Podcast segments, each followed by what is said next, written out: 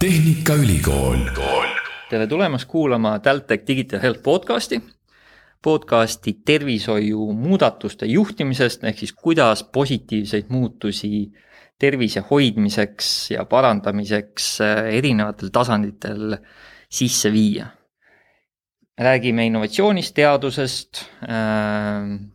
ettevõtlusest, tehnoloogiast räägime teadlaste, tehnoloogia arendajatega, ökosüsteemi inimestega, arstide, õdedega, juhtidega. see on kaheksas äh, TalTech Digital Health podcasti episood ja täna on meil külas Piret Hirev Connected Health Clusterist. tere, Piret! tere, Priit! hakkame otsast pihta. no meil käib siin hetkel äh, pandeemia ja kindlasti me siin tänases vestluses Covidist mööda ei saa sest see on meie kogu digitervise maastikut ja üldse tervishoidu tõenäoliselt suuda-, väga palju mõjutanud ja võib-olla isegi ümber defineerinud. aga hakkame pigem pihta sinust ja, ja algust, et kuidas sattus nii, et äh, sa tegeled äh, digitervisega e, e-tervisega ja juhid sellist organisatsiooni nagu Connected Health Cluster? kui nüüd päris, päris algusest alustame, siis ähm kunagi mu käest keegi küsis, et kas mul on, kui ma olin seletanud inimesele, et digitervis, digitaliseerimine, internet, tervishoiuteenused, äh, see oli riik nimega Turkmenistan, kus ma üritasin seda oma ametit selgitada. ja siis mulle vaadati tõsiselt otsa, küsiti, kas sul päris amet ka on või? ja mul on päris amet, et kunagi ammu-ammu aega tagasi olen ma lõpetanud äh, meditsiiniõe eriala, äh, tol ajal ta oli siis veel Tallinna meditsiinikool, nii et siin minu tervishoiuga seotus algas juba päris, päris mitu aastat tagasi. küll tuleb aga tunnistada, et ma ei ole liiga palju haiglas tööd teinud, sest äh, juba õppides ma sain aru, et minust saab väga-väga-väga halb tervis, äh, tervishoiutöötaja või siis õde. ja et seda katastroofi vältida, läksin ma tööle ravimifirmasse peale tervishoiu kõrgkooli lõpetamist. ja ma olen aastakümneid tegelikult olnud seotud äh, tervishoiuga just selle ravimite poole pealt ja mõned aastad tagasi, aastal kaks tuhat neliteist, ma võin sulle isegi öelda, et see oli kakskümmend neli veebruar, kui ma sain aru, et äh, traditsiooniline selline vanakooli ravimitööstus, äh, mulle lihtsalt äh, tekkis selline valgustus päriselt ka ma sain aru, et midagi tuleb teha, see business enam kaua nagu edasi ei saa kesta sellisena, nagu ta kestab. ja ma olin juba mõnda aega tegelikult hoidnud silma peal äh, siis ülikooli, Tallinna Tehnikaülikooli äh, tervishoiutehnoloogia õppesuunal ja mõelnud, et kas seal võiks olla ka minu jaoks koht, et õppida midagi juurt juurde. ja olles saanud äh, mõnede inimestega rääkinud, kes olid siin õppinud, õpetanud, lõpetanud, tulin, astusin sisse ja, ja võtsin seda tõsiselt, võtsingi sellise sammu ette, et ma nüüd teen väikese pöörde oma karjääris ja, ja, ja, ja tulin ülikooli nagu kutsekooli, et õppida endale uus amet selgeks kas sa said selle kutse siit? jaa, ma sain selle kutse siit ja, ja, ja tõsiselt ma, tuleb tunnistada, kui ma näen nüüd tegelikult, et see programm on läinud palju-palju paremaks kui sellel ajal, kui mina õppisin. aga juba siis ma ikkagi sain nii palju asjad endale selgeks, et äh, ma suutsin ennast tõestada ja, ja süsteemis äh, oma esimesi samme astuda siis. minu esimene töökoht oli Sotsiaalministeeriumis ja siis tegelikult peale, peale kooli lõpetamist ja, ja mõningast töö, tööd Sotsiaalministeeriumis, siis ma tulingi Tehnopoli Connected Health Clusterit juhtima. ehk siis kokkuvõttes sul on ikkagi natukene oled nuusutanud seda päris tervishoiumaailma, maailma, päris palju sellist äh, klassikalist äh, ravimisektorit, äh, siis selline riigi ja ministeeriumi pool tehnoloogiat õppekavast juurde ja ja lõpuks siis tegelikult äh, töökohta, mis, mis kõik need asjad mingil määral kokku seob, et kas sa saad kasutada kõiki varasemaid teadmisi, oskusi, mis. Äh, absoluutselt, sest äh, teadmised inimesest ja inimese ravimisest on, on tegelikult need, mis, mis sain ma tervishoiu kõrgkoolis endaga kaasa. ravimiäri andis mulle väga kõva kommunikatsiooni, suhtlemis ja läbi kinniste uste minemise oskuse õppisin juurde tehnoloogiat siis oma sellele klassikalisele meditsiini poole peale äh, ülikoolis siin. ja, ja ministeeriumi ja, ja selle Tehnopoli töö kokkupanemisel ma näen, ma näen täpselt, kuidas see poliitiline tasand ja siis praktiline elu võib-olla alati äh, väga tihti kokku ei lähegi või kuidas ma ütlen, ma, ma, ma suudan aru saada mõlema poole käitumismustreid või, või näen neid vajadusi. Ja, ja nende poolt kahe erineva tasandi kokkutoomine on minu meelest see, mis, mis on selline väga selline trikiga asi, et, et ma ei ole seda veel läbi päriselt äh, suutnud hammustada, et kuidas, kuidas teha väga head koostööd erasektori ja siis riigisektori vahel. kuigi ma nüüd näen mõlemat poolt, eks ole, et äh, siin on veel palju tööd teha. kas ähm, kui minna veel tagasi nagu nendesse kogemustesse, et, et siis mi, sa päris hästi kirjeldasid, et millised need kogemused on, aga kas on mingisugune hea näide sellisest mingist, mingist muutusest, mis nendes varasemates äh, rollides või praeguses rollides ongi juba, on selline tunne, et okei okay,, nüüd, nüüd see muutus toimus. midagi, midagi, mingisugune, mingi, mingisugune osuti nüüd liikus, et, äh, et kas oskad välja tuua sellise huvitava kogemuse? Kui sa nüüd mõtled, et, et meditsiinis üldse, siis jaa, nende aastate jooksul muidugi neid muutusi toimub palju, kasvõi ma olen siin vestelnud tegelikult ka lugupeetud perearstidega ja siis äh, juba õe töö iseenesest, kui me võtame, on täiesti teine kui see, kui mina õppisin, et nüüd võib-olla saaks minust hea õde isegi aga, aga lihtsalt need aastad tagasi siis ei olnud minu koht üldse. et tervishoiusüsteemis terviklikult on toimunud see muutus ja ma näen ma näen tegelikult sellist äh, valmisolekut ja üha suuremat avatust äh, just inno-, innovaatilistele lahendustele. ja, ja, ja alati tulevad kõige paremad tulemused siis, kui teha äh, innovaatilisi lahendusi koos arst, patsient ja näiteks tehnoloogia arendaja. et kui sellised kombinatsioonid saab hästi tööle, siis, siis sealt tulevad, sealt tulevad nagu kõige äh, toredamad ja elujõulisemad äh, lahendused äh, tervishoidu. kus see koht on, kus need, need kolm osapoolt äh, niimoodi kokku saavad ja no tsiteerida siis klassikuid, siis kõigepealt pakuks ma iseennast, aga klaster tegelikult on, on see platvorm küll, mis on ellu kutsutud just selleks, et sellised kombinatsioonid saaksid tekkida, me toetame seda, ma ei räägi siin ainult moraalsest toest, vaid me toetame seda ka lausa ikkagi päriselt rahaliselt, kui, kui sellised elujõulised kombinatsioonid äh, minu lauale jõuavad. ja, ja, ja see ei ole lihtne muidugi, kui sa, kui sa mõtled, et õudselt noh, hästi-hästi lihtne on välja mõelda mingi äge tehnoloogiline lahendus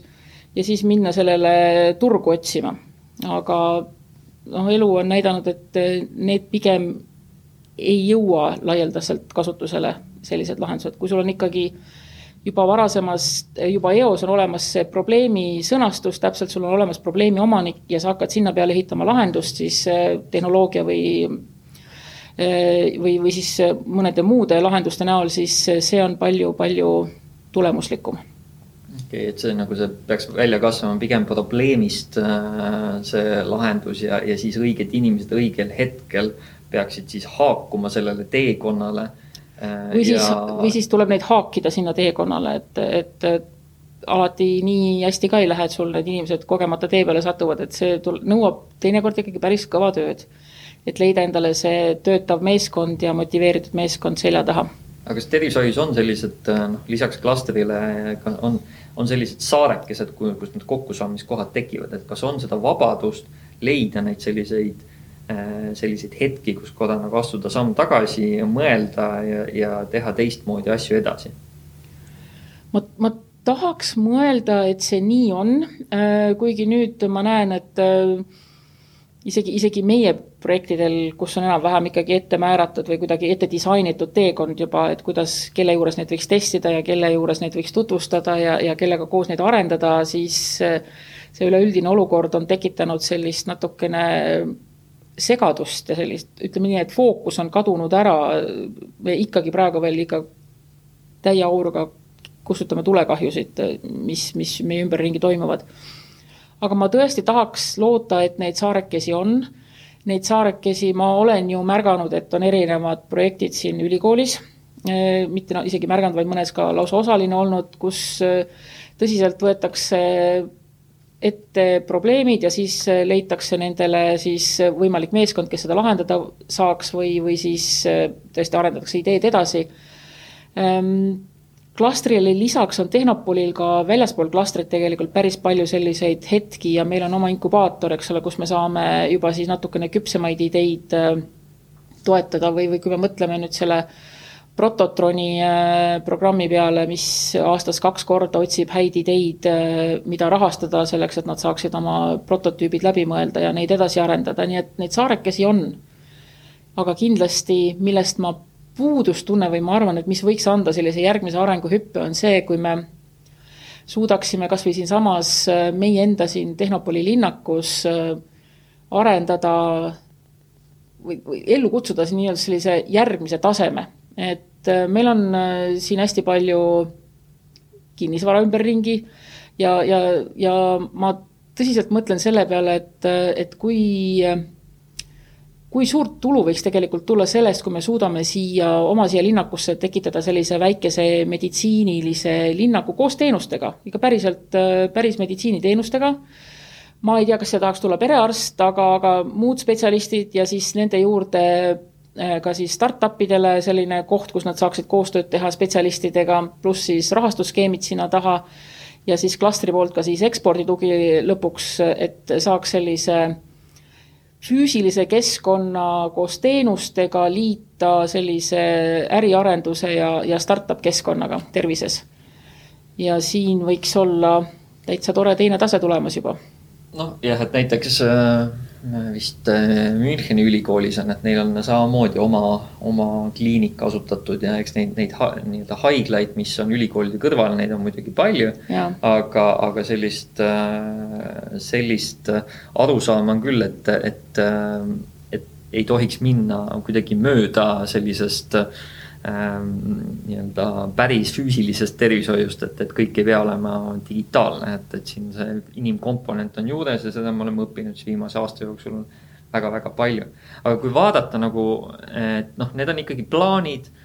ja kui vaadata nüüd tagasi siin nagu sihuke kolme-nelja-viie aasta peale, et, et siin viimase aastaga on tohutud arenguid toimunud, aga aga mis on sellised, selles, sellises digitervise või tervise innovatsiooni ökosüsteemis, kas siin on mingi nihe toimunud ka, mis on nagu viimase, võrreldes viimase viie aastaga teistmoodi, et kas see ökosüsteem on, on meil edasi arenenud, kas on iga, kas on kuidagi eraldi kulgenud? kas see suunanäitaja on siin olnud riik või ettevõtted või see on veel selline natukene radari all ja, ja midagi podiseb?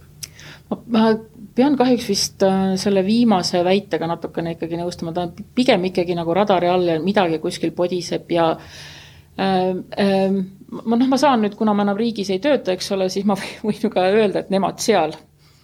aga, aga mul on tunne, et, et pigem on eestvedajateks, eestvedajateks siiski eraettevõtjad siin praegu selle innovatsiooni eestvedajatel, et riigil on küll oma strateegia ja, ja omad mõtted, et kuidas võiks innovatsioon ja, ja, ja digilahendused tervises äh, inimesi teenindada tulevikus, aga ma pigem näen, et, et riik, riik tegutseb selliste suurte äh, üleriigiliste arhitektuuridega, eks ole, siin digiregistratuur ja siin mis iganes äh, retseptid ja aga, aga sellist, sellist ühendust siis inimese ja siis selle suure süsteemi vahel, siis seda tegelikult ju ei ole. Ja siin ma näen, et on hästi palju võimalusi võib-olla tulevikus tekkimas eraettevõtetele, sest mina inimesena tegelikult jaa, ma olen hästi rahul selle digiretseptiga võib-olla, aga ma tahaks äkki sinna endale mingeid mugavusteenuseid ka peale saada, et, et ma ei pea tingimata alati perearstile helistama selleks, et oma digiretsepti pikendada, et noh, nüüd on, eks ole, tulnud siin minu dokk ja kes siis pakuvad ka seda retsepti pikendamise võimalusi. Et sellised,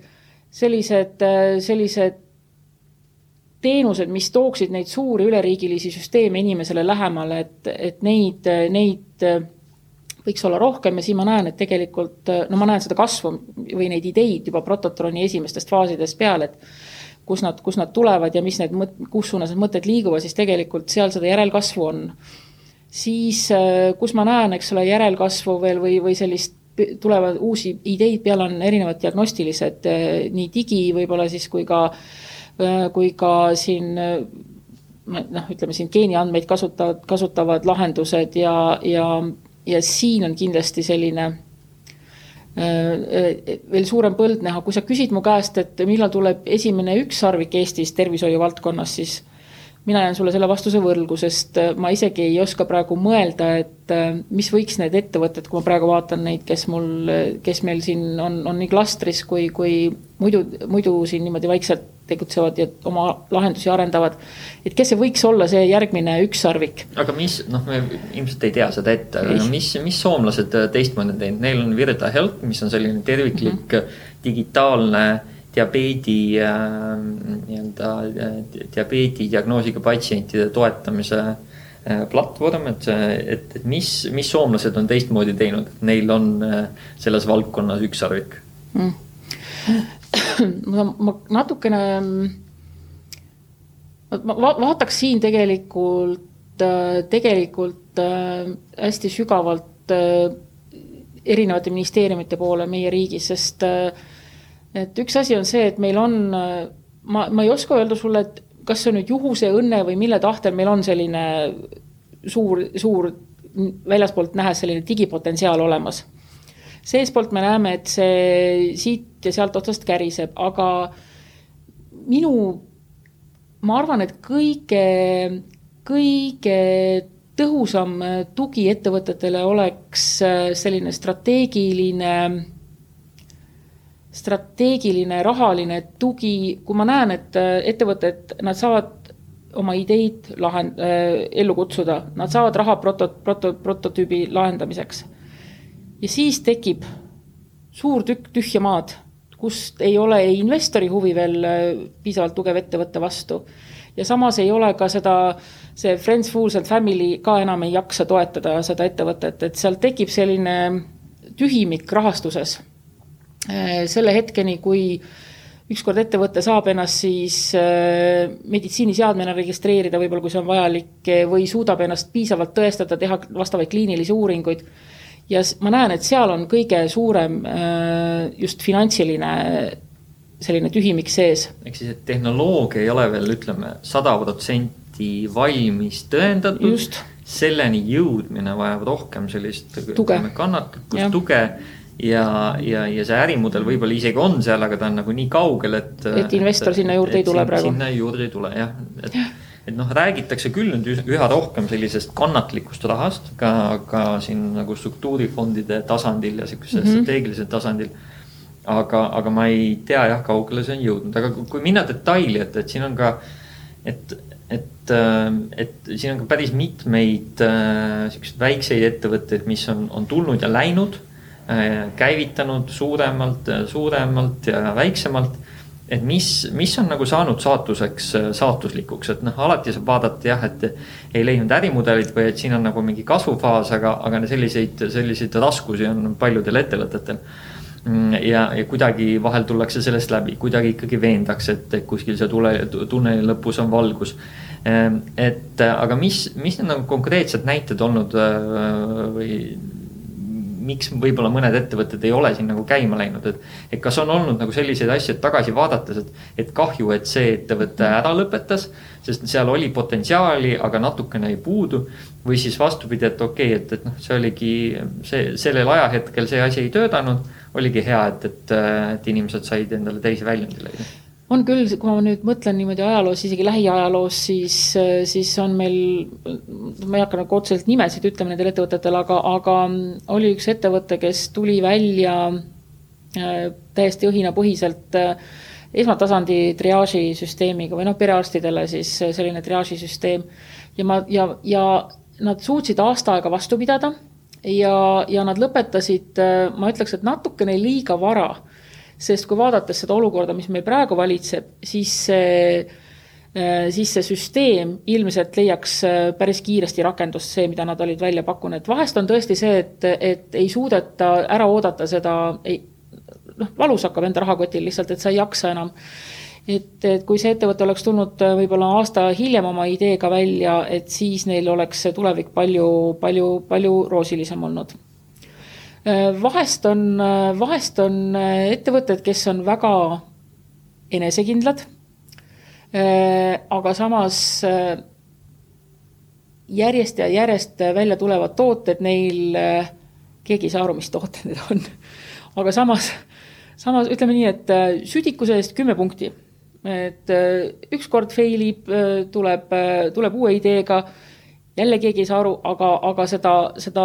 seda jõudu taga kogu aeg uusi mittetöötavaid ideesid välja, välja käia, et, et see on fenomenaalne. Et see on nüüd selline teist sorti ettevõtluse vorm jälle ja elustiil ilmselt, aga, aga ja, ja, ja on hästi palju selliseid ettevõtteid, keda ma näen, kes on just sellesama, sellesama konksu taga praegu, et, et selleks, et äh, see tehnoloogia päriselt küpseks saaks, et nad saaksid oma vajalikud sertifikaadid kätte, neil on seal väga konk-, konkreetne rahasumma puudu ja seda lihtsalt, äh, seda hetkel võtta ei ole kuskilt ja, ja, ja nii nad siis leiavad muid teid oma idee rahastamiseks,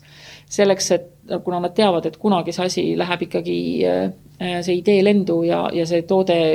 läheb kunagi turul, turul populaarseks. Või siis on, äh, või siis on hästi, on ka selliseid ettevõtjaid, kes, või startup'e, kes usuvad oma ideesse väga sajaprotsendiliselt ja sa näed, et see tegelikult, see tegelikult, see idee töötab. ja siis, siis on ainuke asi see, et tuleb olla hästi kannatlik ja oodata, et see samm-sammult liikumine oma, oma, oma helge tuleviku poole ja hästi kindlalt, hästi fookuses hoidmine, oma idee fookuses hoidmine ja ainult selle nimel töötamine, et, et noh, siin ma võin küll nime välja tuua, eks ole, me mõlemad teame Triumfi kui sellist head näidet, kes on aastaid, aastaid äh, hästi sihikindlalt oma toodet äh, arendanud. et, et on hästi selline jälle positiivne näide. kas üks ähm, noh, üks põhjus ilmselt on ka see, et, et miks seda sellist äh, kasvu, ütleme, arenduskasvu faasi finantseerimist ei ole, on ka see, et, et meie, meie isegi riskikapitali turg on tegelikult päris heaks saanud äh, laias, laias mõttes, aga need, need portfellid ja need, need, need Ehm, need, need nii-öelda fondide tähtajad on võib-olla natukene lühikesed, et, et kui tuleb eh, sellise kasvuga ettevõtteid, mis töötavad, tegelevad mõnes muus valdkonnas, kus ei ole vaja nii palju teaduslikku mõõtmist ja, ja väga palju sellist erinevate osapoolte juures testimist ja kaasamist. Neil läheb kiiremini, nad saavad kiiremini tagasisidet, nad saavad kiiremini käibeni. ja noh, kui on võrdlusesse panna Äh, digitervise valdkonna ettevõte, kes siis, äh, kellel läheb kolm aastat, et, äh, et, et midagi ära mõõta, kõigepealt aasta, et, et saada eetikakomitee luba. Okei okay,, võib-olla nii palju ei lähe, aga kui, kui nii-öelda kõik see ette valmistada ja siis veel aasta pilootimiseks ja nii edasi. et, et lihtsalt selliseid spetsialiseeritud fonde ei ole veel, veel tekkinud, kes, kes oleks valmis natukene pikemalt ootama. tõsi ta on jah, et, et terviseettevõtted et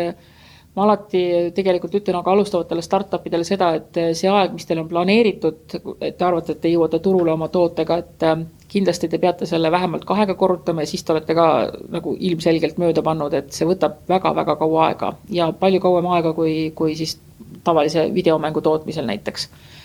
et äh, see on, et õnneks tegelikult on tulemas ka selliseid või on olemas ka nüüd juba selliseid rahastajaid, kellel on see tervishoiu taust taga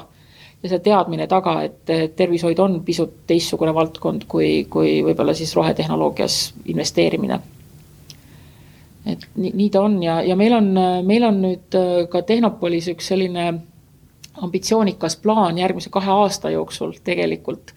natukene vaadata sügavamalt sisse sellesse investeerimiskeskkonda ja üleüldse innovatsiooni eskaleerimise keskkonda üle-euroopaliselt, et mis need pidurid siis on. miks me ei saa seda, seda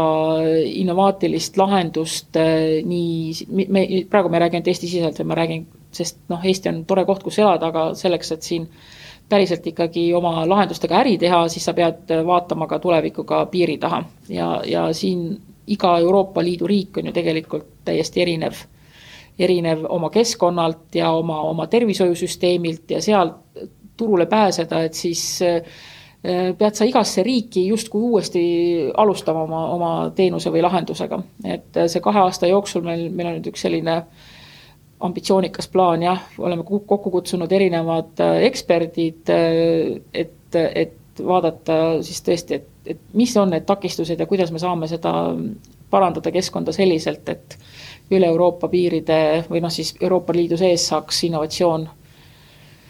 levida. Kas see hõlmab ka mingit seiret, sest noh, hetkel kui vaadata, mis teevad soomlased ja eriti, mis teevad äh, ameeriklased, see on äh, Rockhealthi Stanfordi ülikooli koostöös on sellist pidevat äh, erinevate digitervise teenuste funktsionaalsuste seiret, et jälgitakse, kuidas see ökosüsteem kasvab, palju investeeritakse, millises faasis ettevõtted on,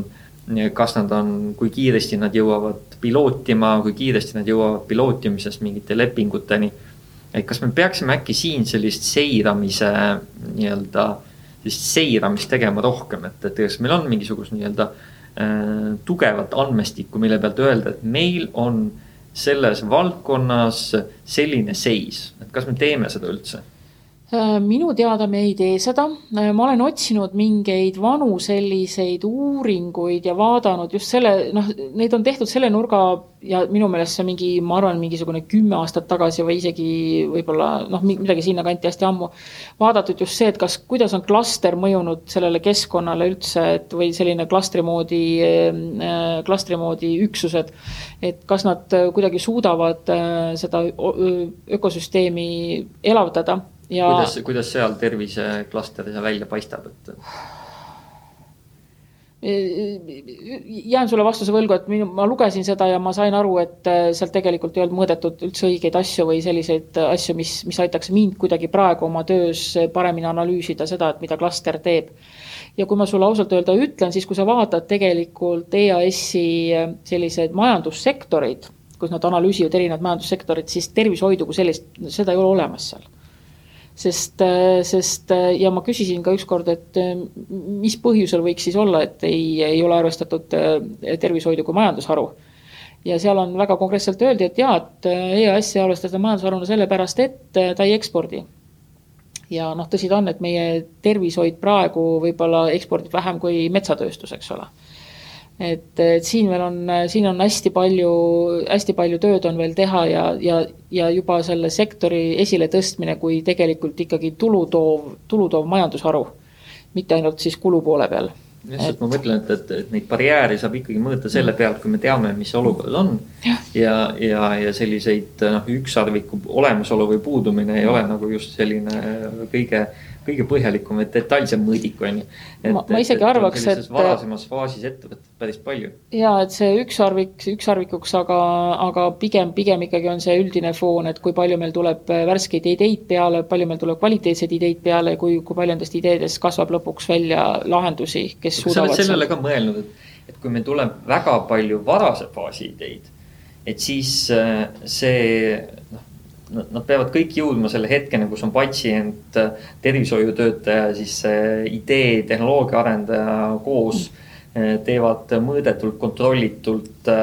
turvaliselt siis testivad seda uut lahendust. et kui meil on jällegi liiga palju neid varase faasi ideid, et me lihtsalt nagu ummistame selle noh,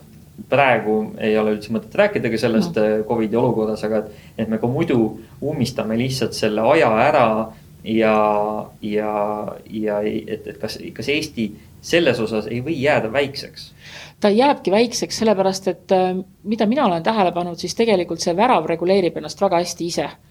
sest need ideed, äh, mis ei ole äh, väga elujõulised, need ei jõuagi tegelikult sinna perearsti töölauale või, või spetsialisti töölauale või, või sinna koostööformaati üldse.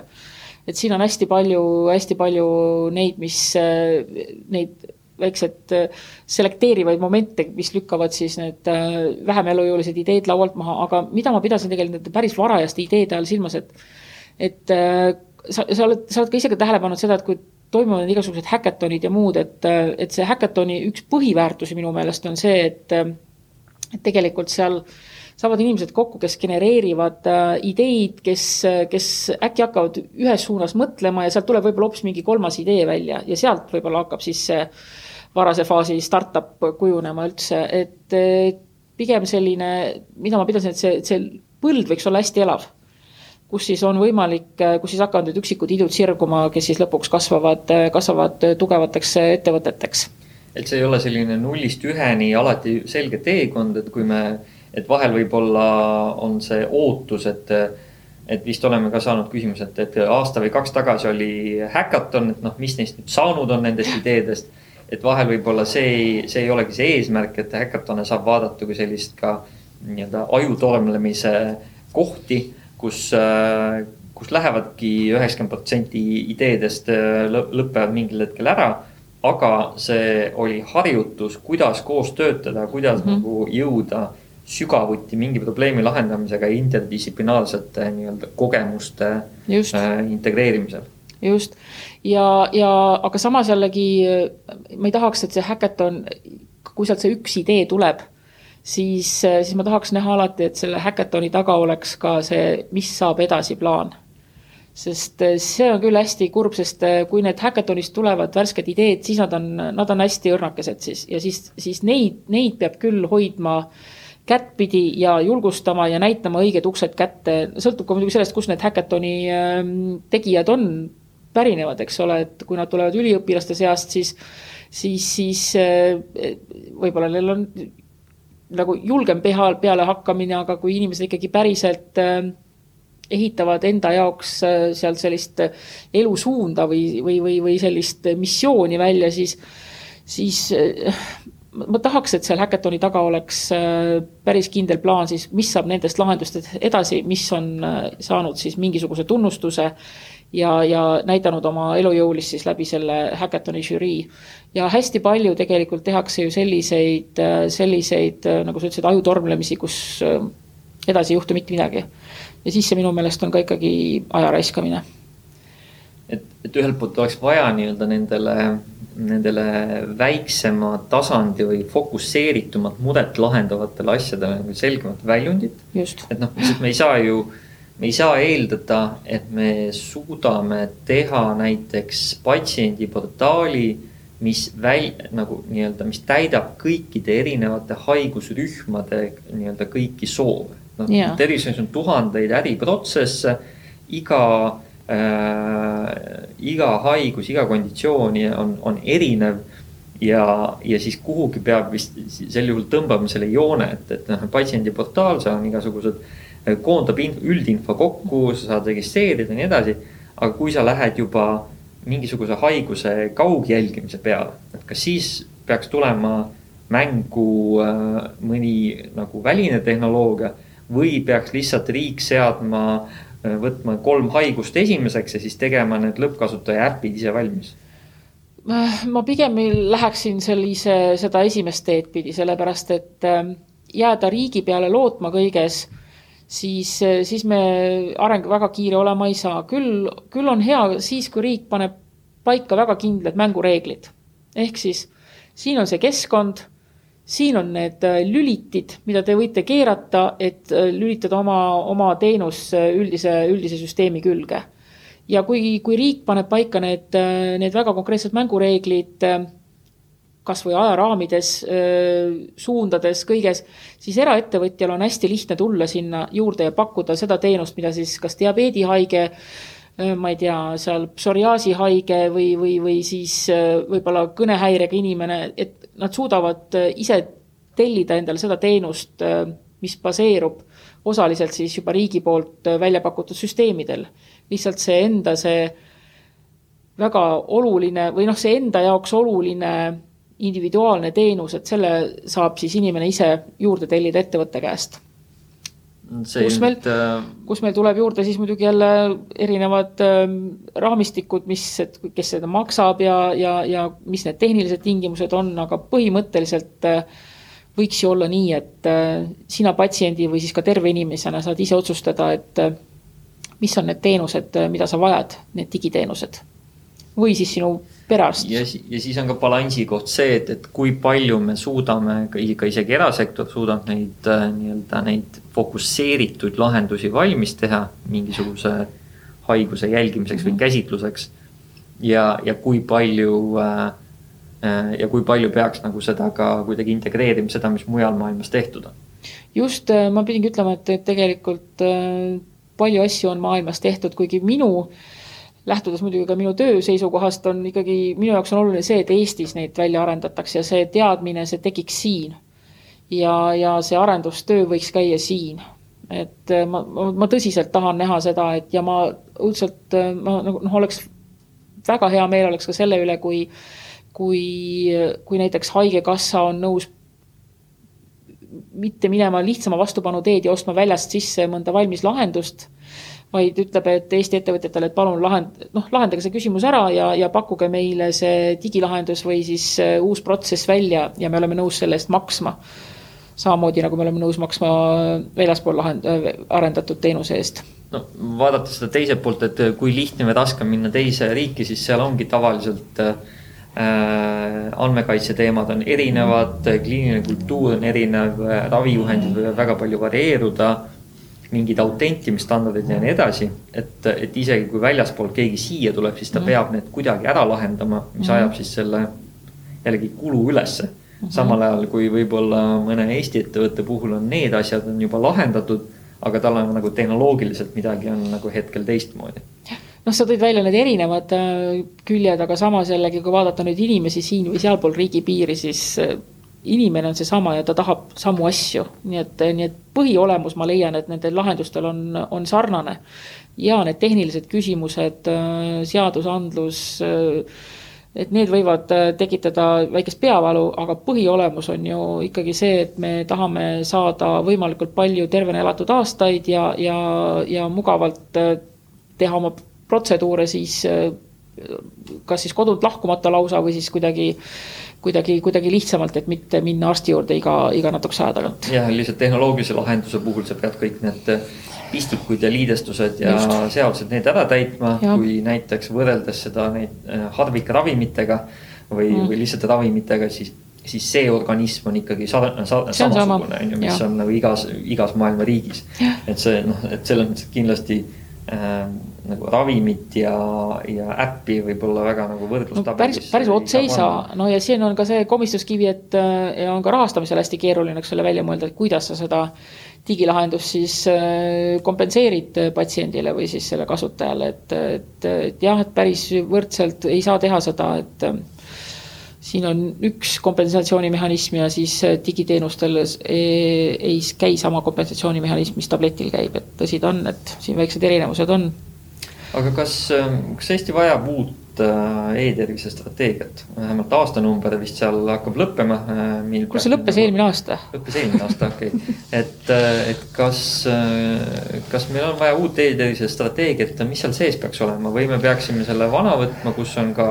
ilmselt äh, ei ole kokku arutanud, mitu protsenti on tehtud, mitu töös, mitu, mitu tegemata et, ma arvan, et sa saad, seda on väga raske isegi kokku arutada, sest seal seda väga selget tööplaani kui sellist kaasas ei olnud. seal olid, seal olid väga-väga sellised, ähm, no seal olid üldised asjad kirjas, et mis peab saama tehtud. kui sa nüüd sealt ükshaaval kokku arvutad, siis võib-olla sa leiad, et ähm, ma, ma ei julge sulle Priit peast öelda, aga minu meelest seal enamus asju on tegemata. aga, aga mis, mis puutub sellesse e-tervise strateegiasse, siis äh, mina ei tea, kas peab olema uus e-tervise strateegia, sest tegelikult ähm, need digilahendused, need on ikkagi, äh, need on ikkagi tööriistad mingisuguste probleemide ja asjade lahendamiseks äh, inimese tervise seisukohalt, siis ma mõtlen ja minu meelest on ka läi-, läinud Sotsiaalministeerium seda teed, et ta on liitnud selle e-teema tegelikult üldisesse rahvastiku Äh, sellesse tervise arengukavasse. no ma just tahtsin küsida, et äkki peaks olema lihtsalt see äh, nii-öelda selle asemel, et neil on nagu erinevad strateegiad ilma rakendusplaanideta võiks olla siis üks strateegia, millele siis tulevad väga spetsiifilised rakendusplaanid, sest noh, probleeme, mis on rahvastiku tervise arengukavas, neid saavad aidata lahendada mitmed digilahendused, digilahendused.. just, jah ja seda teed on ka mindud ja ma olen, äh, ma olen nõus selle, selle lähenemisega, et digi on tööriist äh, selleks, et, et meie inimesed saaksid kiiremini äh, tervishoiuteenuse ligi, et nende tervis oleks parem ja et nad kauem veedaksid terve, tervelt oma elu. aga siis jääb ikkagi klastrile ja, ja, ja ettevõttele roll hoida silma peal sellel, nendel ökosüsteemi komponentidel, mis jällegi omakorda sellesse rahvastiku tervise arengukava nii-öelda äh, sinna ei pruugi jõuda, ehk siis nagu sellised tegevused, mis toetavad nende, nende lahenduste sihukese rakendamist, et. Keegi peab ka selle eest heal seisma. nii ta on, et äh, ja klastril on siin oma, oma roll täiesti olemas ja me jõudumööda siin ka täidame seda, et hästi lihtsad formaadid on selleks tegelikult, et seda, et sellist keskustelu ja, ja koostöövaimu üleval hoida, et tulebki kutsuda kokku osapooled laua ümber ja, ja arutada erinevad teemad või siis, või siis küsib Sotsiaalministeerium, et me tahaks teha nüüd selle nõusoleku teenuse lõpuks ära. palun andke meile väga konkreetseid neid kasutusjuhte, mille peal me saaksime siis seda protsessi läbi mängida näiteks või siis äh, arendatakse välja selle uue põlvkonna tervise infosüsteemi. Äh, seal käivad, eks ole, läbirääkimised ettevõtetega, et mis on need kõige paremad äh, tehnoloogilised lahendused ja, ja mis, millised on need äriprotsessid seal taga ja, ja, ja selline tihe koostöö on absoluutselt vältimatu ja, ja üks osa on selline suuremastaabilisem koostöö riigiga, aga, aga teine on siis see, mida me klastris teeme hästi palju, on just sellised väikesed, väiksemad teenused, mis siis on vaja teistsugust lähenemist, teistsugust tuge, nendel on vaja kas või sama infovahetust tegelikult. Et kui tuleb uus, uus värske startup ja lipp kõrgel püsti, et me nüüd hakkame tervise infosüsteemist andmeid võtma ja me hakkame selle peal teenust ehitama, siis on neil väga kasulik juba varases faasis teada, et äh, praegusel hetkel tervise infosüsteemis andmeid kätte ei saa nii lihtsalt. et võib-olla tuleb seda teenust kuidagi teistmoodi arendada, et on hästi selline. et koostöö on see võtmesõna ja, ja, ja siin tuleb hästi palju ja hästi tihedalt äh, lihtsalt käia, rääkida ja suhelda, mis Eestis on lihtne, tuleb tunnistada jah, aga kas me ei ole mitte ka selle, selle koostöö ja sellise otsesuhtluse lihtsusesse ka vahel pidama jäänud, et nagu jällegi jõle veider on, kui iga, iga ettevõte püüab oma probleemi lahendada seal kõige kõrgematel astmetel. ja, ja, ja samal ajal ja siis võib-olla mõned lahenduvadki ja, ja mingid, ma ei tea, mingeid seaduseid muudetakse. noh, ühesõnaga tehakse niimoodi sellises jutustamise korras tehakse kõik ära, mis ongi väikse riigi eelis ja saavad asjadki tehtud. aga kui nagu mõelda ikkagi selle saal, mõtleme, et meil on tuhandeid äriprotsesse tervishoius, siis kas rohkem ei peaks ikkagi tegema selliseid selgepiirilisemat raamistikku ja nagu strateegilist lähenemist, kuidas siis need uued lahendused saavad süsteemi külge lülituda. Kuidas nad saavad hinnatud, kuidas nad saavad liidestatud, kuidas nad äh, saavad nii-öelda mingisugused turvalisuse standardid, et, et. et kas see ei oleks nagu selline jätkusuutlikum tee kui see, et, et äh, nii-öelda kõik püüavad ühest uksest kuidagi sisse saada ja, ja siis nad takerduvad seal niimoodi prundiks sinna ukse ette. see, see kahtlemata see on jätkusuutlikum tee ja seda teed, seda teed on ka mindud. siin muidugi selles mõttes, et siin jällegi klastri kõik ettevõtjad ka ootavad, et, et riigi poolt tuleks selge signaal, et need on need rajad, mida me nüüd hakkame läbi käima ja need on need raamistikud, mida me paneme paika ja meil, meil on vaja selle jaoks teie jaoks, teie, käest sisendit. ja siis, siis ettevõtjad on nõus tulema, istuma ümber laua, andma kirjalikult sisendit ja, ja kommenteerima ja tõsiselt ütlema, et need on need punktid, mis sobivad ja need mõtted, mis teil selle teenuse juures on, et need paraku ei tööta või noh, et siin on need ja need takistused. et, et absoluutselt ma olen sinuga nõus, et selline strateegiline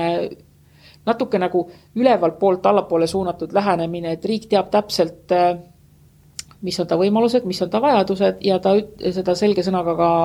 ütleb edasi ettevõtjatele, et nende vajaduste täitmiseks me ootame ettevõtetelt vot sellist sisendit. mis, mis ongi selline nii-öelda roheline ala, et ütleme, et et digitervise arenduse visiooni teekaart, roheline, ootame ettevõtetelt lahendusi nendel ja nendel tingimustel. ütleme punane, seda lahendab riik, siin nagu, et teil ei ole mõtet proovida siin nagu mm -hmm. äri teha, see, see on nagu lahendatud riigi poolt. ja siis võib-olla ongi hall ala, kus, kus no on selge, et ei tea täpselt, et seal on mingisugused asjad veel sega, segaduses ja siis, et umbes, et omal riisikul lähete sinna valdkonda, aga mhm. võib juhtuda, et jällegi riik võib selle valdkonna nii-öelda algusest lõpuni ise ära teha. just ja, ja kuna me räägime, eks ole, innovatsioonist, siis paraku jah, seda halli ala Seda... hetkel on halli ala hästi palju, sest meil tegelikult ei, ei ole nagu defineeritud seda punast ala ja rohelist ala, okei okay,, võib-olla mingid ilmselged punased alad on mm, -hmm. aga päris väga raske on ikkagi aru saada, et mis seal, mis seal rohelises alas on. ja kahetsusväärne on muidugi see, kui ettevõtja hakkab äh, kuskil suunas minema ja ta kulutab hästi palju ressursse et mingisuguse tasemeni jõuda ja siis selgub, et äh, riik on vahepeal miskit asja ümber otsustanud ja öelnud, et äh, ei, sellega ma tegelen nüüd ise. ja siis ähm, jääbki ettevõtjal ähm, üle vaid siis kas kuskile mujale riiki minna oma lahendusega või, või siis ähm, kahju omaks võtta. noh, see mujale riiki minemine ilmselt on, on, on niikuinii osa. see on osa aga, aga arvestades, et iga, igas riigis kanna, kanna kinnitamiseks on see teekond päris pikk. ja, ja ka seda, et, et teistes riikides ju tegelikult ikkagi küsitakse, et noh, et miks te siis nagu oma koduriigis ei ole. minu käest on ka küsitud, et äh, kui ma pakun välja neid toredaid lahendusi, mis klastris igal pool on ja siis küsitakse, et äh, ma, ma pean siin tunnistama, et paljud lahendused tegelikult on, mis klastris on arendusel, klastriettevõtete poolt arendatakse, on välisriikides eh, rohkem kasutusel kui Eestis. ja siis on minu käest küsitud, kas Eesti elanikud ei taha neid teenuseid või? ikka tahavad aga lihtsalt eh, need tingimused on olnud siin just sellised, et on lihtsam olnud eh, minna kohe välisriiki, aga, aga tõsi ta on, et kui sa saad panna referentsriikide hulka ka oma koduriigi, kus siis seda teenust on oma toimivust tõestanud, et siis on see, on see väga-väga-väga oluline argument äh, uut, uute turgude vallutamisel.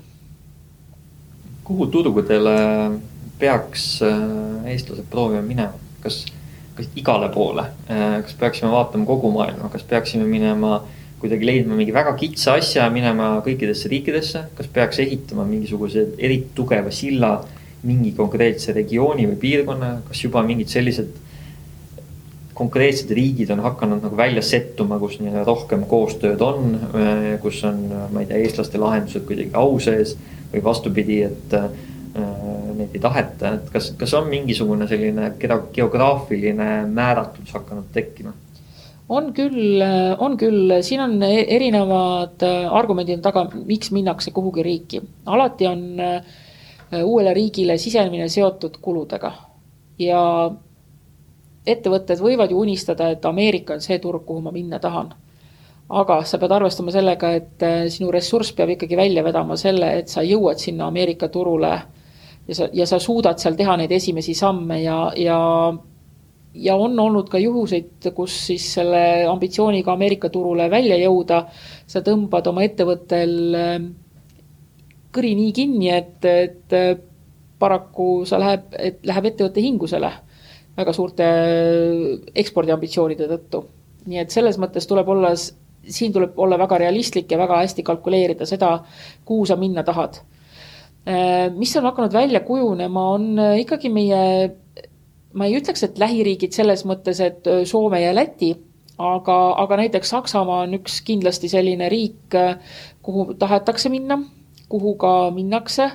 ja, ja ma usun, et siin on väga oluline tegelikult äh, see, et kuidas Saksa riik on viimasel ajal hakanud äh, prioritiseerima digitaalseid lahendusi tervishoius, äh, kuidas seda keskkonda on nii palju korrastatud ja isegi sakslaste väga-väga range suhtumise väga konservatiivse suhtumise puhul terviseandmete kasutamisse teenustes, siis mulle tundub, et, et see ettevõtluskeskkond ja, ja see äh, digiteenused tervishoius äh, üleüldiselt on ikkagi pigem nagu tõusuteel Saksamaal ja loomulikult ettevõtted hakkavad sinna kohe liikuma. siis äh, kui me vaatame natuke Euroopa. Saksamaa kohta kommenteerida seda juurde, et Saksamaal on nüüd ka see nii-öelda digaregistri, mis on siis äpi register, aga nad on seadnud selle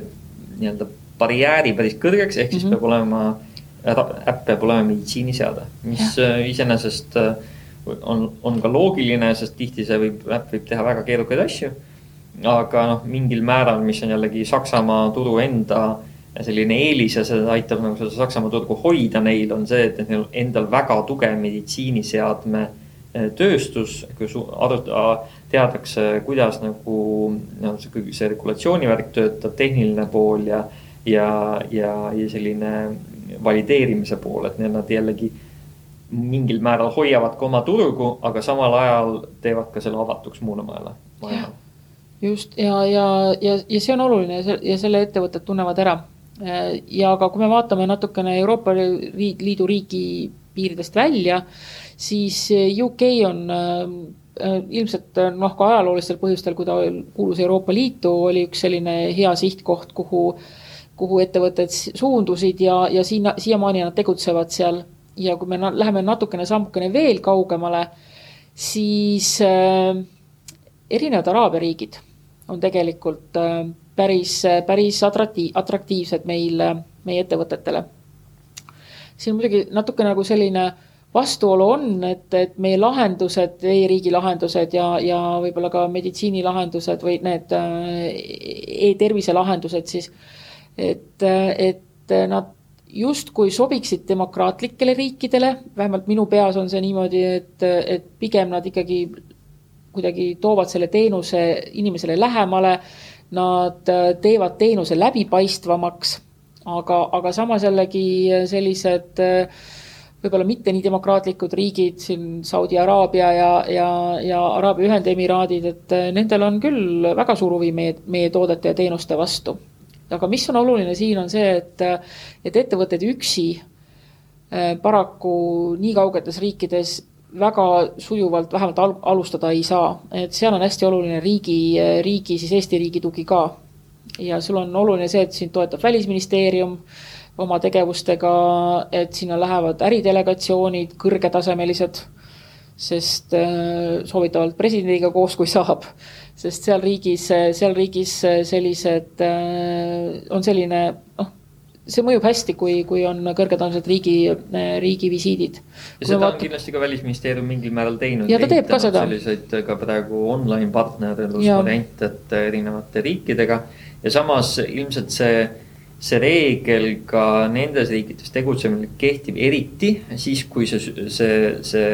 teenus on mingisugune, ütleme hõlmab väga palju kogu süsteemi või nagu Just. erinevaid, erinevaid osapooli, ütleme haiglad, perearst mm., ministeeriumi. midagi sellist nagu mm, süsteemi üles, kus see poliitiline komponent on hästi suur. Äh, samas, kui jällegi minna võimalikult nagu hästi, hästi jällegi kitsaks, et noh, see, see lahendus pakub midagi väga kitsale sihtrühmale. Ähm, ja väga fokusseeritult, siis, siis ilmselt väheneb ka see selline poliitiline risk selle lahenduse viimsel, mis toob meid jälle tagasi sinna, et meil võib-olla oleks vaja rohkem sellist kangemat äh, äh, teaduspõhist ettevõtlust, kus on, tehakse midagi, mm, midagi oluliselt nii-öelda noh, eriti just nii-öelda hardware, meditsiinitehnoloogia, sellised insenerilahendused, kus Äh, mis on digitaalsusega seotud, et kus, kus tegelikult ei ole niivõrd suur see poliitiline komponent, vaid rohkem on selline äh, see, et on hea asi, töötab, valideeritud, hinnatud ja, ja siis on juba natuke need kanalid nii-öelda rohkem paigas. Ja mul praegu lihtsalt mul tuli meelde siin lähiminevikust üks väga konkreetne näide, kuidas siis äh, äh, ma nüüd ei oska öelda, kas see nüüd vähem politiseeritud äh, lähenemine oli, aga kuidas Kognus äh, tegelikult viis oma lahenduse Välisministeeriumi toel. ta viis paari Aafrika riiki pluss Ukrainasse siis ja seal ta läks väga konkreetselt ähm, arenguabi raames, arengukoostöö, arengukoostöö raames ja need olid väga konkreetsed väikesed lahendused, mis siis ühte konkreetsesse haiglasse pakuti ja maha müüdi nii et. Äh, ma arvan, et see on hea näide, sest me just räägime ka sellest, et, et, et need lahendused vajavad pilootimist. pilootimine toob kaasa riski nii nii-öelda kliendile, äh, tervisesüsteemile kui ka sellele pilootivale lahendusele. kumbki täpselt lõpuni ei tea, kuidas see nii-öelda sinna saab juurutatud, neid liikuvaid osakaid on liiga palju. ja, ja, ja seetõttu selline noh, ei võiks, võiks ju olla isegi loogiline, et, et see, see, see, see kogemus, mis sa just kirjeldasid, et selle kogemuse pealt äkki tehaksegi midagi väga sellist äh,, midagi täpselt see, selle valdkonna jaoks suunatult, et, äh, et, et see kindlasti, ma arvan, aitaks just seda riski vähendada. Ja ta, eks ühelt poolt, eks ole, aitab seda lahenduse poole pealt, aga teine, mis ma näen oluline, on see, et kui me selliseid protsesse läbi mängime siis, äh, siis ka need protsessid muutuvad, äh, muutuvad äh, palju edukamaks. nii et selliseid lahendusi, ma arvan, et võiks hakata erinevatele turgudele liikuma veel läbi selliste siis arengukoostöö formaatide või siis mõnede muude koostööformaatide kaudu. Mis, mis variandid veel on, et me, me oleme nüüd katnud nagu sellist väljapoole liikumist, me teame, et, et Eesti oma tugi on oluline, et, et need, kes, need ettevõtted, kes siin on, suudaksid ka koduturul nii-öelda midagi näidata ja, ja samas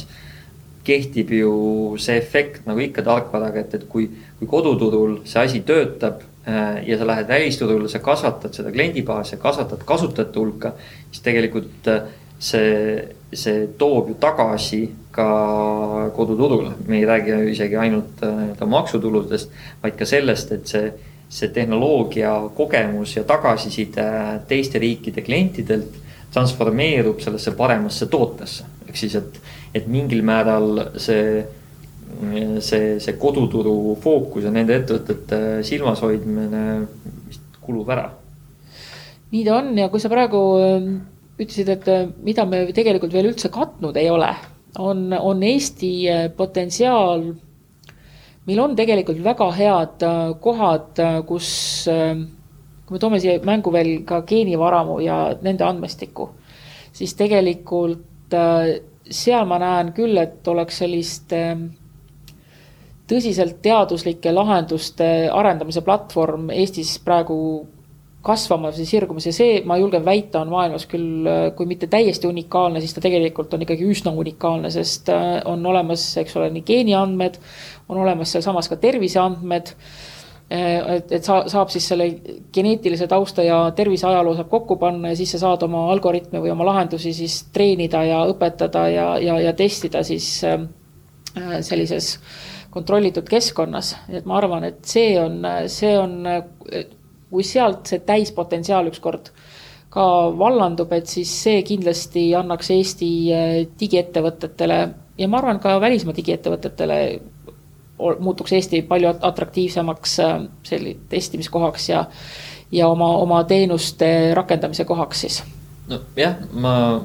ma, ma olen selles mõttes nõus, et see potentsiaal on hästi see suur seal. aga mul on ka see tunne, et, et see potentsiaali mingi raamistamine päris selgelt et mis faasi, innovatsiooni nagu faasile see eh, potentsiaal nii-öelda panuse annab, mida ta lahendab, mida ta ei lahenda. et mul tunne, et veel see pool või on, on, on puudu või sealt ei ole veel tulnud nagu selliseid täisteekonna läbinud äh, nii-öelda näiteid, et, et kuidas meil ikkagi algusest lõpuni on midagi selle geenivaramu andmestiku pealt algusest lõpuni nii-öelda välja kasvanud, läinud edukalt äh, ka rakenduse leidnud? Ja ma noh, mina näen klastri tasemel neid äh, välja kasvavaid idukesi sealt, kes kasutavad geeniandmeid, aga sul on õigus, et sellist täis, äh, täiel rinnal rakendumist äh, veel juhtunud ei ole, aga ma usun, et see on ainult aja küsimus. et sealt tuleb ikkagi selliseid lahendusi, mis kunagi hakkavad geeniandmeid kasutama profülaktikaks, diagnostikaks, nii et ja, ja ja nüüd mul tuli lihtsalt meelde nüüd, et äh, kui me rääkisime siin noortest äh, ettevõtjatest, et ähm, et, et ainult geeniandmed ei ole ju need, mis äh, on sellist väärtuslikku baasi pakuvad, vaid ka meil on selline suurepärane kogu nagu pildipank, kus tegelikult ma olen tähele pannud, et tulevad noored ettevõtted kes hea meelega kasutaksid ka näiteks, toon väga konkreetse näite, et äh, kasutaksid seal võib-olla mingeid äh, ajupilte äh, selleks, et teha täppiskriiningut mõnele haigusele, mis siis on võimalik sealt algoritmiga välja lugeda. et Leedu ettevõte on üks tegelikult, kes ja. on vist, vist võtnud ette kopsuvähi väga, väga, väga edukalt ja oksipit ja et ja kopsuvähk ja, ja on, ja on, ja on erinevaid nagu dementsust, mida nüüd üritatakse välja screen ida piltide põhjalt, nii et selles mõttes neid allikaid, mille pealt äh, lahendusi äh, üles ehitada ja mille peal oma algoritme treenida, et see, neid, neid meil Eestis ikkagi on päris ja mis on hea, on see, et nad ei ole eile tekkinud, vaid nad on hästi pika ajalooga juba. Jah, et nagu seda andmeküllust kuidagi tundub ikkagi olevat, aga, aga noh, mul on tunne jah, et, et, et selle andmekülluse juurde, et, et see, see on ainult väike osa ikkagi kogu sellest komplektist, et need andmed on ju tegelikult siiamaani, senimaani juba eksisteerinud. Äh, ja, ja siis ikkagi see, see on nagu üks pool, aga lõpuks peab meil sellest asjast tulema kokku mingi toode või teenus, mingi rakenduskanal. et isegi kui me pakume näiteks ähm, geneetilisi riskiskoode, siis sellele peab järgnema mingi väga konkreetne tegevus, mis on tõenduspõhine. ehk siis, et, et mingisugune no igal sellisel äh,, igal algoritmil äh,, mis on tootestatud või teenuseks tehtud, tal peab olema mingisugused järgmised sammud ja, ja mul on tunne, et nagu selle,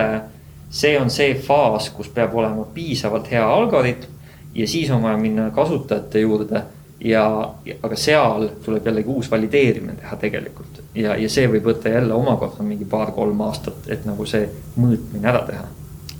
pluss äh, ei saa jätta mainimata siis seda, kes seda protsessi siis käigus hoiab, ehk siis meie tervishoiutöötaja, et tõesti, et kui see algoritm on seal teadlaste poolt välja töötatud ja siis inimene saab äh, teiselt poolt oma selle algoritmi vastuse, siis tegelikult seal ümber on ju kogu see tervishoiusüsteem, kes peab selle, selle innovatsiooniga toime tulema ja sellest ka selles mõttes inimese jaoks äh, selle maksimumi välja võtma. jah, et mis, mis võib tekitada omamoodi äh, nii-öelda keerukusi, et, et kui, kui see, kui selle, selle, seda, neid kõiki neid samme sellel nagu patsiendi teekonnal ei ole lõpuni läbi mõeldud, siis, äh, siis see alguses võib tekitada päris, päris olulise hulga nagu äh, segadust, kui mingisugune info tekib. nojah, aga siin on ka selle muna ja kana küsimus natukene, et et kui me ei proovi neid, sellist innovatsiooni süsteemi tõugata, et siis, siis seda ei juhtugi. et ma arvan, et siin tuleb, siin tuleb äh, tibusammud ja, ja läbi rääkides ja käsikäes astudes, et, et niimoodi ma näen ainult. peaks olema erinevatel äh, nagu riiklikel ja erialaorganisatsioonidel erinevatel tervishoiuasutustel arstiliitudel selline nii-öelda parima praktika standard. nende koduleheküljel on kirjas, kui sa teed mingisugust tehnoloogiat, mis puudutab meid kui äh, sihtgruppi või meie sihtrühma patsiente, siis sa peaksid arvestama seda, seda, seda, sa peaksid meid küsima sellisel juhul, sellisel juhul, sellisel juhul. ja noh, ära kindlasti hakka tegema seda, seda, seda, et, et noh, võib-olla isegi mitte nii konkreetselt, aga lihtsalt selline, selline juhis, et, et millisel juh-, et, et kuidas neid innovatsiooni tegijana, et kuidas seda koostööd teha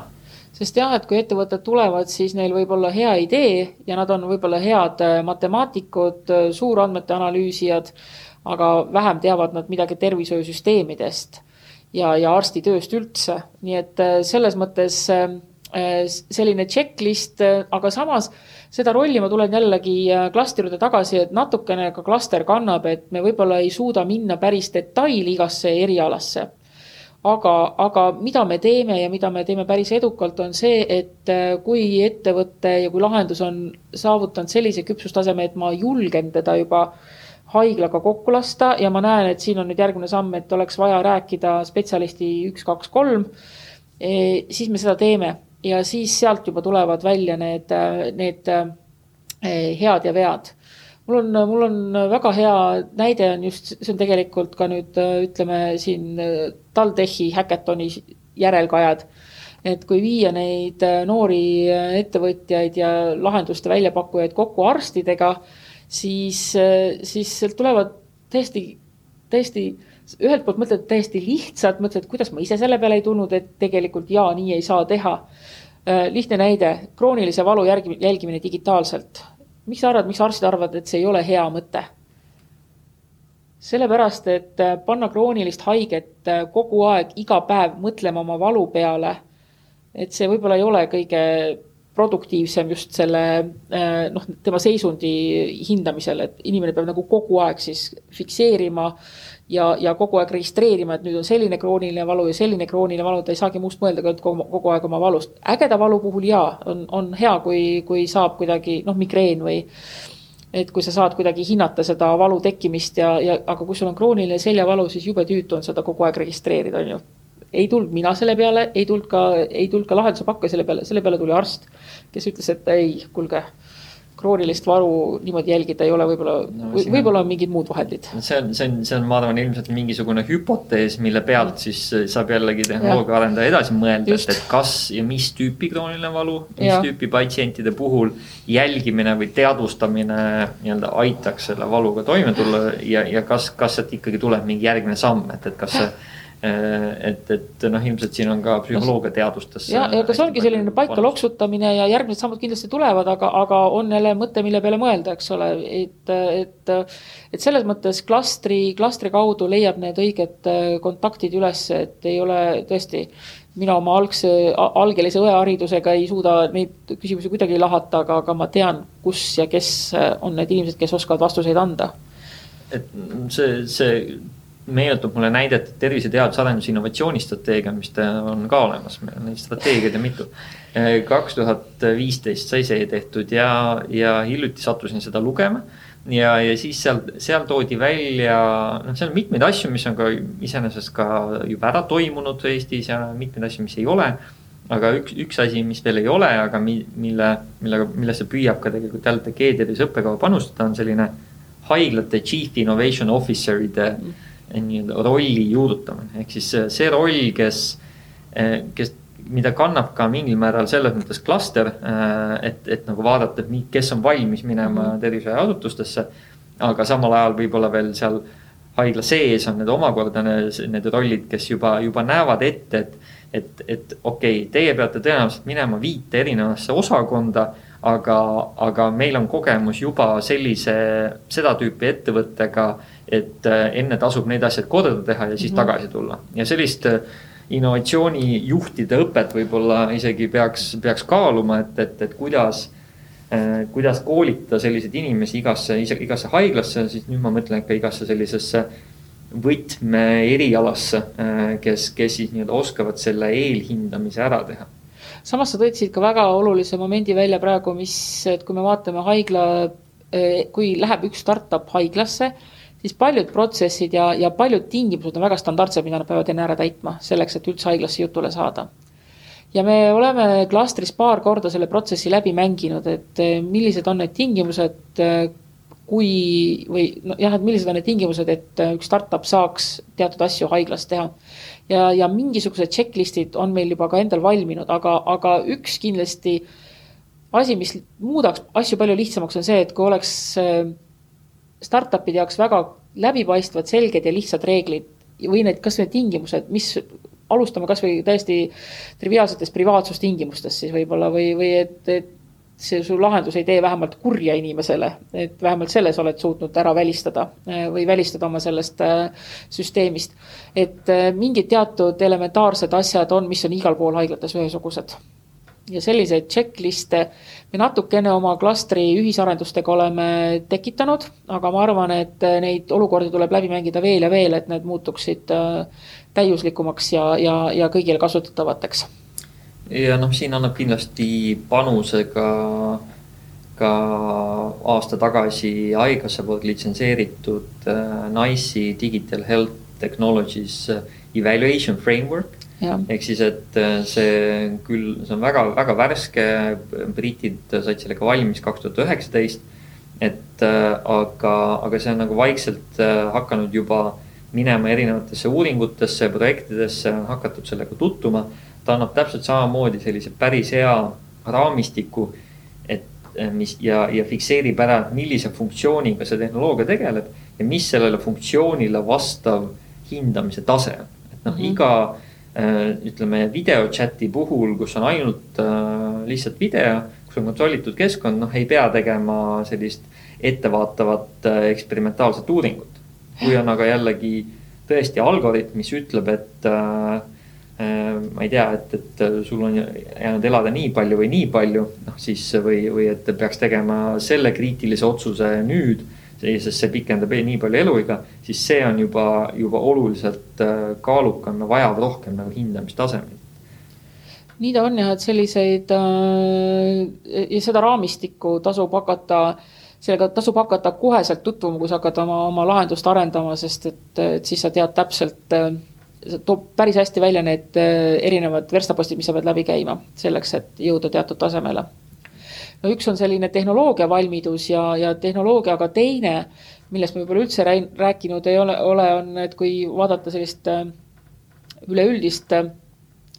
üks on tehnoloogiline tase, aga teine on selle tehnoloogia turule siirdumise nagu võimekus või, või valmisolek tegelikult. et siin on, siin on ka hästi-hästi oluline vaadata seda, et, et noh, meie vaatame seda ka omas töös, et, et üks on see, et jah, sul on see tehnoloogia valmis arendatud, aga siis on see ökosüsteem seal ümber, et kui atraktiivne sa oled investoritele,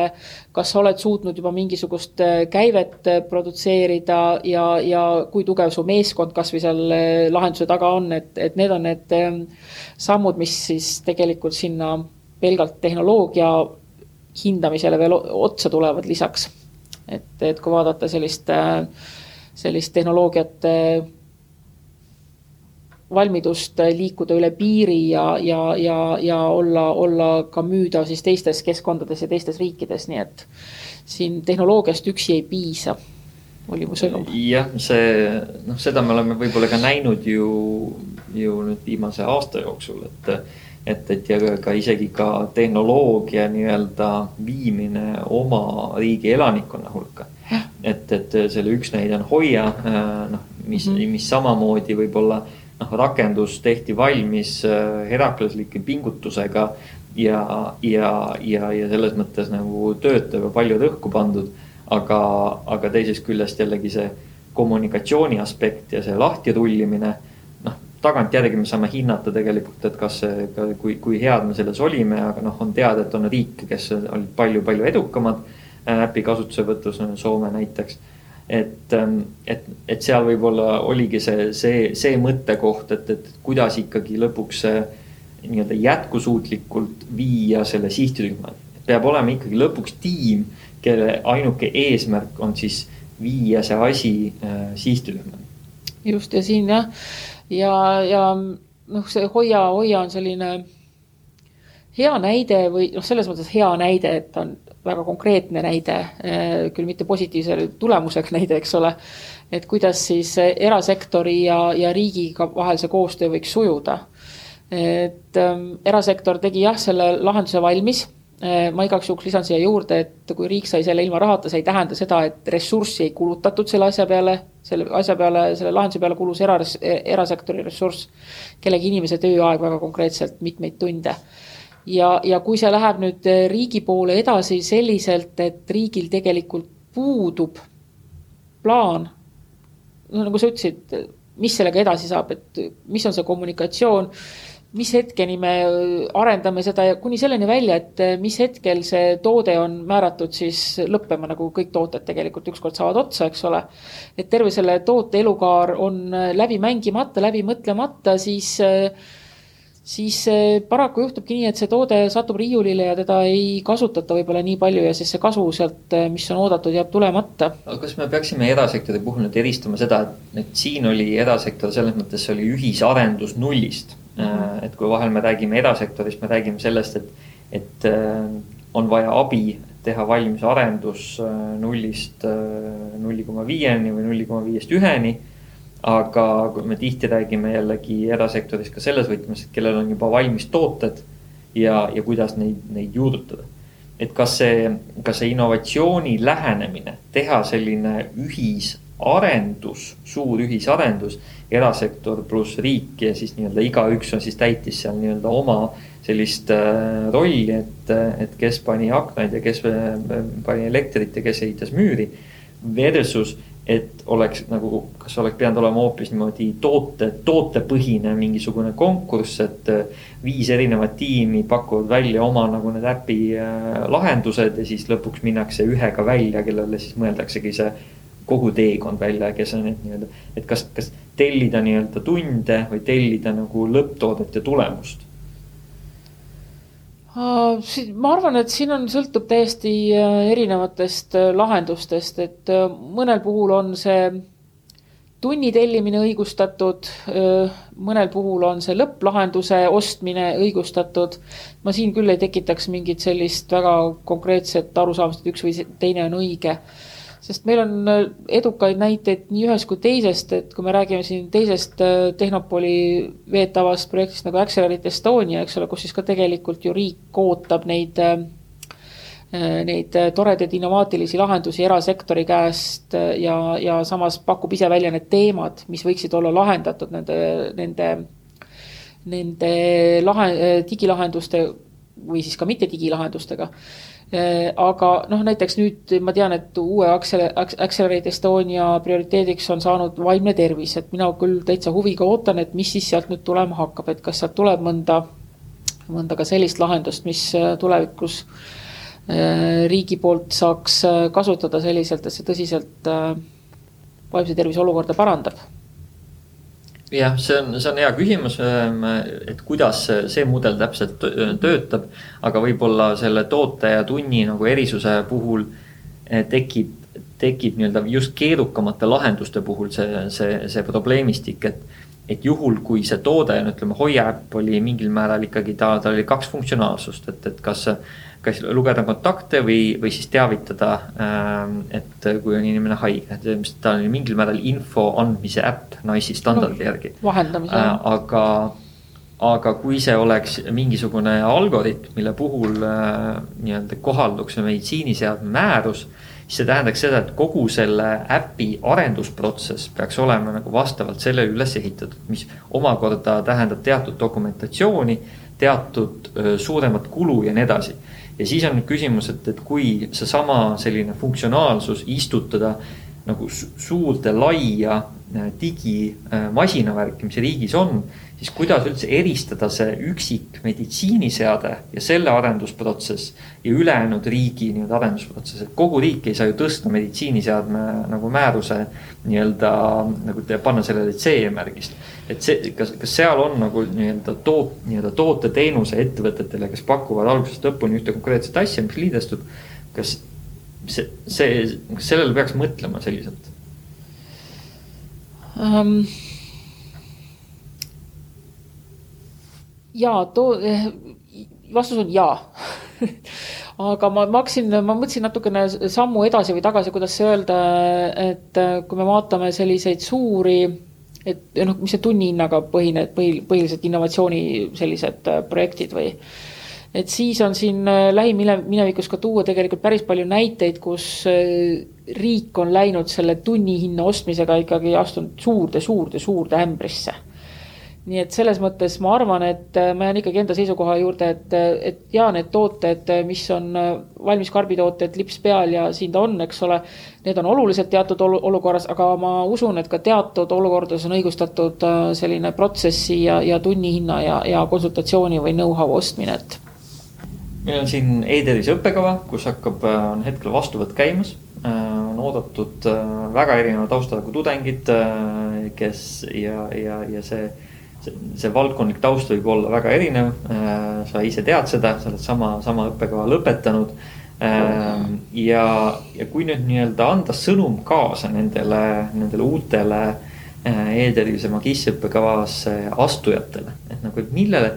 millele mõelda, kui nagu sellist, sellesse, sellesse valdkonda sukelduma hakata. et mis, mis on see, et nii-öelda see, see üks, üks sõnum kõige selle valguses, mis me täna siin rääkisime, aga, aga võib-olla midagi veel. mida kaasa võtta, millise sellise mentaliteediga peale lennata um,? minu jaoks, ma ütlen, et mida ma, mina ise mõtlesin, et mis oli minu jaoks oluline argument, kui ma astusin sisse seda õppekava õppima, siis oli see, et ma tahtsin tegelikult ka aru saada, kuidas toimuvad muutused tervishoius ja ma tahtsin, et need muutused tekiksid tervishoius sest äh, üha enam ja enam ma näen seda, et äh, selliste ressursi juures, äh, nagu me praegu oleme ja need teenuste hulk, mis tegelikult ka tulevikus kogu aeg kasvab, et, et see süsteem ei pea lihtsalt välja, ei, ma ei räägi ainult Eestist, ma räägin ka mujalt. Ja puhtalt egoistlikult mõeldes selle peale, et me kõik saame vanaks, siis üks päev võiks olla see, kus sa oled vana inimene ja siis on sul hea selles mõttes, et sul on see innovatsioon on muutunud, muutnud vähemalt tervishoiu, kui sa vananemisprotsessi muuta ei saa, siis vähemalt seda teenust ümber sinu, kui sa oled vana ükskord, siis see on muutunud sinu jaoks mugavaks ja kättesaadavaks ka vanainimeses, vanainimese staatuses, eks ole. et üks, üks kindlasti on see, et äh, tahe kutsuda esile muudatusi tervishoius. ja teine asi, mida ma võib-olla enda pealt olen vähem näinud, aga mida ma näen, äh, mis on vajalik selleks, et neid muudatusi ette, ellu kutsuda, on see, et äh, vastupidavus see, kui sa, kui sa, kui sa oled jõudnud selle mõtteni, et ma enam ei jaksa, ma nüüd panen oma startup'i uksed kinni, sest äh, lihtsalt enam ei jaksa, äh, siis äh, muidugi juhul, kui sul on hea idee, ma ütlen igaks juhuks siia juurde, eks ole. et siis vastupidavus on see, mis aitab võib-olla just sellest väikesest lävepakust üle, mis on täpselt see väike samm, mis sa pead astuma selleks, et, et su idee läheks lendu. et see vastupidavus on see, mida ma tohutult hindan kõikides startup ides, kes on suutnud ennast turul tõestada. ja ma arvan, et selle optimistliku äh, sõnumiga, niisuguse tulevikku vaatava sõnumiga äh, saame tänase vestluse lõpetada. Äh, aitäh, Piret, podcast'iga liitumast. aitäh, Priit, kutsumast.